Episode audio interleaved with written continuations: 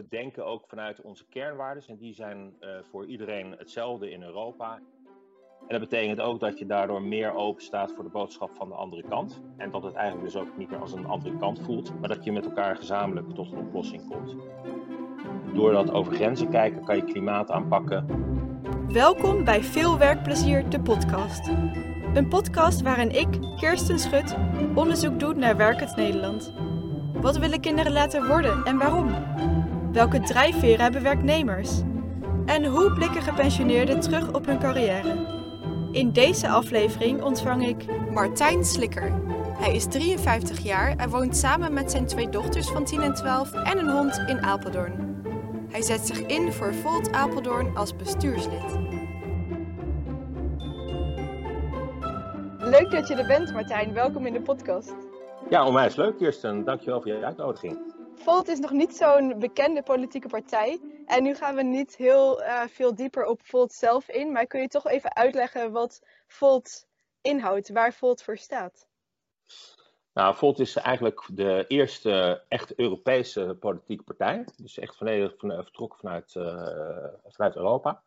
Uh, en we denken ook vanuit onze kernwaarden. En die zijn voor iedereen hetzelfde in Europa. En dat zijn gelijke kansen, rechtvaardigheid, vrijheid, duurzaamheid, menselijke waardigheid en solidariteit. En uh, die gebruiken we als ankerpunten in Nederland, in Duitsland, in Bulgarije, in Italië en eigenlijk in alle Europese landen. En daarmee verenigen we ons, onszelf ook heel sterk. De landen die je noemt, daar zitten dus ook de politieke partij Volt zitten daar ook vertegenwoordigd, zeg maar. Ja, in al die landen die ik nu noem, maar, eh, maar nog veel meer. Dus ik kan eigenlijk uh, nou, meer dan twee derde van Europa wel noemen waar we echt al actief en heel groot zijn. En in uh, die andere een derde hebben we of een aantal leden of een, of een aantal steden waar mensen actief zijn. Ja. En je noemt vertrekpunten, je noemt ankerpunten. Kan je dat ook wat meer toelichten? Want ik heb er wel een beetje een beeld bij, maar wat betekent dat? Uh, nou, wat ik bedoel met, met ankerpunten is dat als je in een uh, politiek uh, debat zit of als je een, een, een, punt bekijkt, een discussiepunt, dat je dan eigenlijk elke keer teruggrijpt op die kernwaarden als ankerpunt. En dat geeft je heel veel houvast. en een ankerpunt houdt eigenlijk ook in natuurlijk dat door je ankerlijn je altijd wel iets speling hebt, maar het, het geeft je vooral houvast om een goed besluit te nemen en niet zoals een ideologie altijd één lijn hoeft te volgen maar eigenlijk vanuit, eh, vanuit die kernwaarden zeg maar, eh, naar de problematiek kijkt. Want dat is bij andere politieke partijen wel het geval, dat ze echt vanuit een ideologie het gesprek ingaan? Uh, gevoelsmatig heb ik dat wel, ja. ja. ja.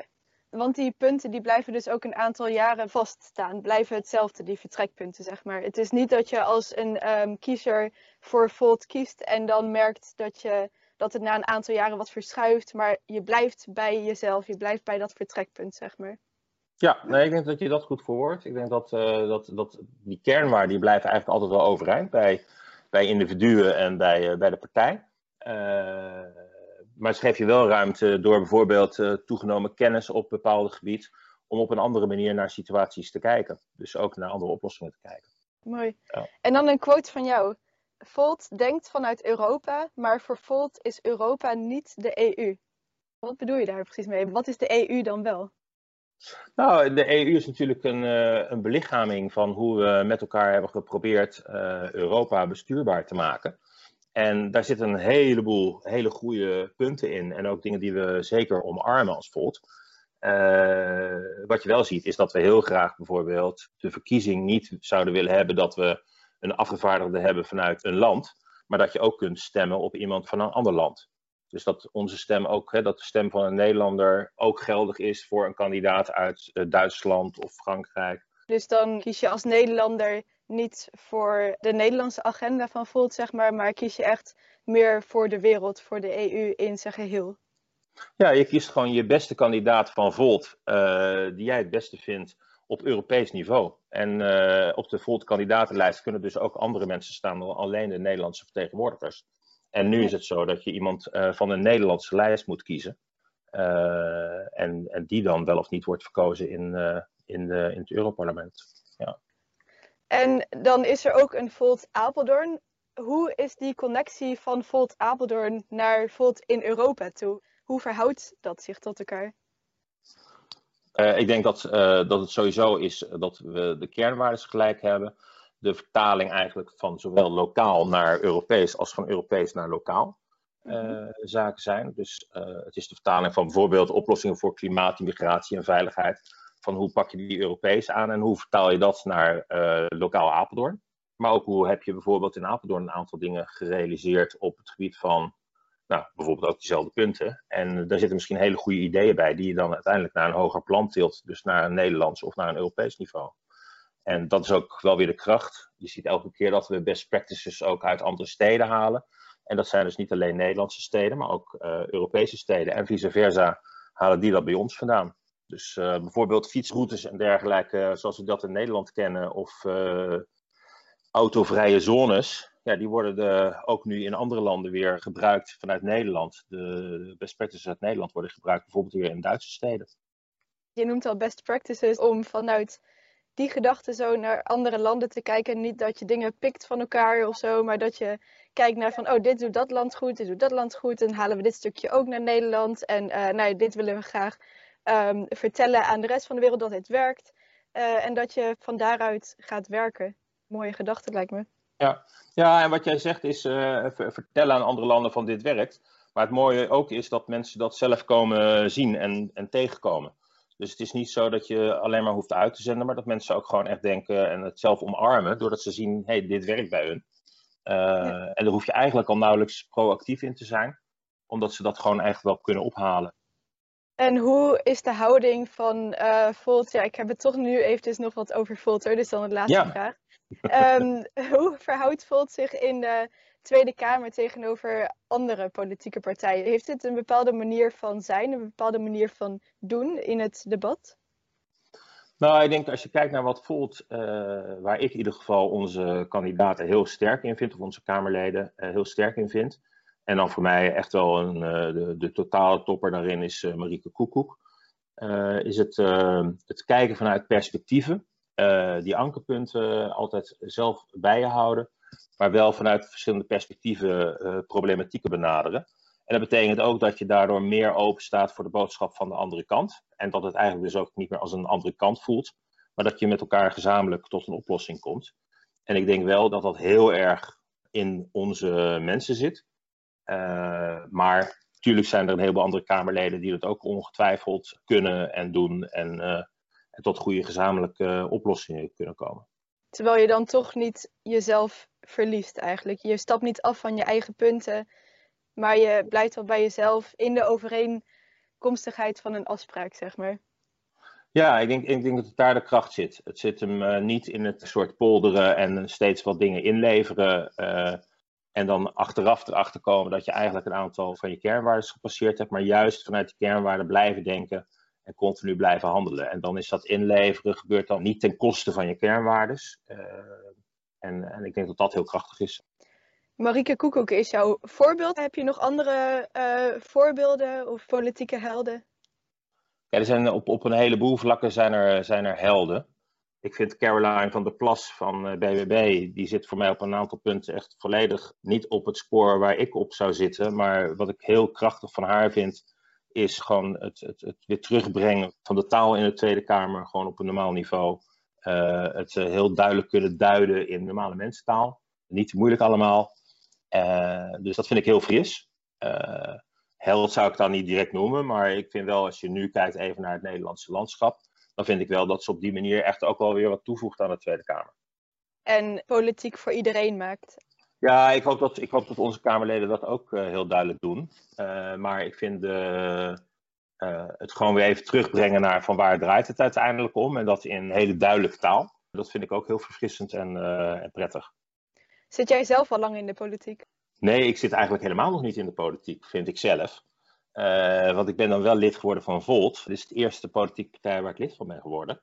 Um, dus gewoon vanwege echt dat het bijna één op één op mijn eigen DNA zit. met stemwijze scoorde ik 92 procent.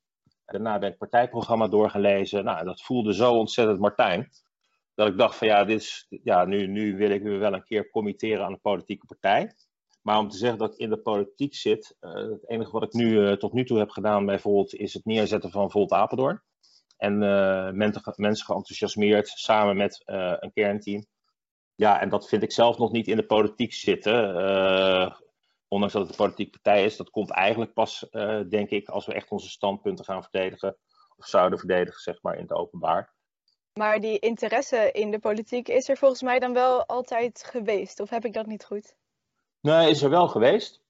En dan moet ik wel zeggen dat de afgelopen zes jaar ik met name eigenlijk naar uh, Amerikaanse politiek heb gekeken.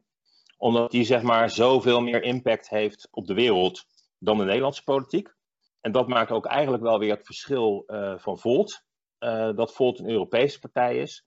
En ook over grenzen kijkt. En door dat over grenzen kijken kan je klimaat aanpakken en doordat je over die grenzen kijkt en klimaat kan aanpakken, zeg maar, ben je wel weer een, uh, een enigszins wereldspeler. Uh, ondanks dat Europa natuurlijk uiteindelijk uh, qua gebied van hoeveel mensen er wonen heel klein is. Maar onze industrialisatie is natuurlijk heel groot en we hebben daar denk ik echt een voortrekkersrol in te vullen. Kunnen wij daarin iets leren van de Amerikaanse politiek of de Amerikaanse besluitvorming? Oeh, dat is een goede vraag.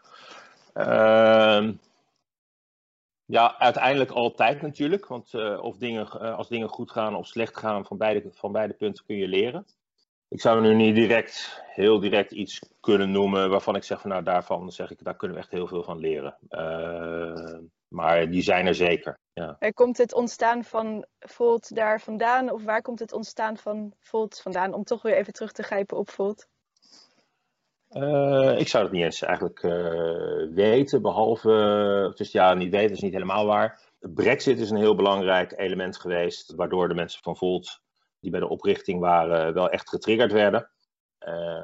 In die periode van Brexit waren er gewoon eigenlijk heel weinig politici die echt de positieve kant van Europa elke keer hebben uitgelicht. En er werden eigenlijk hoofdzakelijk de negatieve kant steeds voor het voetlicht gebracht door, uh, door de oppositie of als, als punt van uh, we moeten vooral Europa verlaten, zowel in Engeland als ook rechtse partijen met name op het, uh, op het vasteland. En, ehm, en de politiek heeft eigenlijk heel veel in mijn ogen laten liggen om de positieve kant van Europa gewoon te duiden. En dat is zonde, want er zijn daar gewoon heel veel, heel veel dingen te halen in Europa. Waarom hoorden we volgens jou vooral die oppositiepartij in plaats van de positievere stemmen over um, ja, het niet verlaten van de EU? Nou, omdat uh, ik denk zelf, omdat men bang was dat het verhaal niet zo positief uh, was, omdat er uh, altijd wel kritiek op iets te leveren is. Dat is, dat is op bijna alles in het leven. En die klank is vaak harder dan iets waarvan we toch wel aannemen, oh, dat is toch wel goed. En, uh, ja, en dat heeft zich niet alleen in alle bewoners van Europa genesteld, maar blijkbaar ook bij alle politieke leiders. En dat is zonde, want je hebt daar toch echt een voortrekkersrol, uh, waar je elke keer zult moeten duiden, in mijn ogen, van wat de voordelen zijn. En Martijn, waar haal jij je werkplezier vandaan? Nou, ik vind het gewoon ontzettend leuk om te zien dat we met een, uh, een heel klein clubje van vijf mensen hier met Apeldoorn Volt zijn begonnen. En uh, dat we nu 26 mensen die heel actief zijn, in nog geen 90 dagen bij elkaar hebben gekregen. Die heel hard aan het werken zijn aan zowel beleid voor bijvoorbeeld Apeldoorn, die bezig zijn met voor de rest de structuur ook neer te zetten die wij al hebben neergezet. Het enthousiasme van de club, enthousiasme van die mensen, met het team samenwerken, ja, daar, daar krijg ik heel veel energie van. En wat daar ook heel leuk is, is dat er gewoon heel veel verschil in leeftijd en achtergrond zit. Uh, maar dat je elkaar direct weet te vinden door de kernwaarden van Volt. En dat is gewoon heel prettig en heel leuk. En daar krijg ik heel veel energie van. Ja.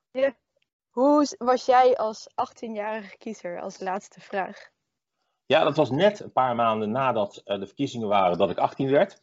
Ik was toen wel heel actief, uh, eventjes op, op dat moment, om uh, mensen over te halen om te stemmen. En, en landelijk zat ik toen zeg maar iets rechtser op het spectrum. Inmiddels is dat wel opgeschoven. en lokaal was ik toen believer in de PPR. En dat was echt een radicale partij, maar die zat echt op basisinkomen, uh, die zat op grassroots organisatie. Heel veel punten ook die overeenkomen met waar Volt nu voor staat en voor gaat. Uh, uh, en wat ik daar onder andere ook heel goed vond, was de handreiking doen naar mensen die het gewoon niet makkelijk hadden. Of die het moeilijk vonden om een belastingformulier in te vullen. En waar iemand met een hoog inkomen iemand kan inhuren om uiteindelijk nog minder belasting te betalen. En waarbij iemand die al uh, relatief gevoelsmatig heel veel belasting betaalt en weinig inkomen overhoudt, die heeft daar dan niet de middelen voor. Nou, en daar greep de PPR dan op in en die ging die mensen helpen. En dat vond ik een hele goede zaak, zeg maar. Meer gelijkheid uiteindelijk en meer rechtvaardigheid. En dat is ook waar Volt voor staat. Gelijke kansen, rechtvaardigheid. Uiteindelijk ook, leidt dat ook weer tot meer solidariteit, of zichtbare solidariteit. Ja, en die kernwaarden omarm ik. Dat lijkt me een hele mooie grote thema's om uh, deze aflevering mee af te sluiten. Oh, zijn we nu al klaar? ja, we zijn nu al klaar. Of oh. wil je nog een laatste woordje doen?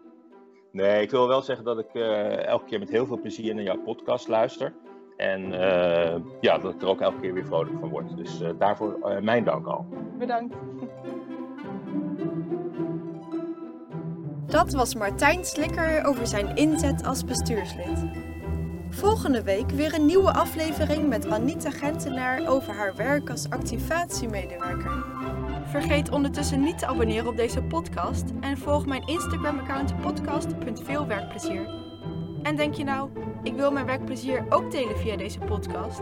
Stuur dan een e-mail naar podcast.veelwerkplezier.gmail.com Leuk dat je luisterde en voor deze week veel werkplezier!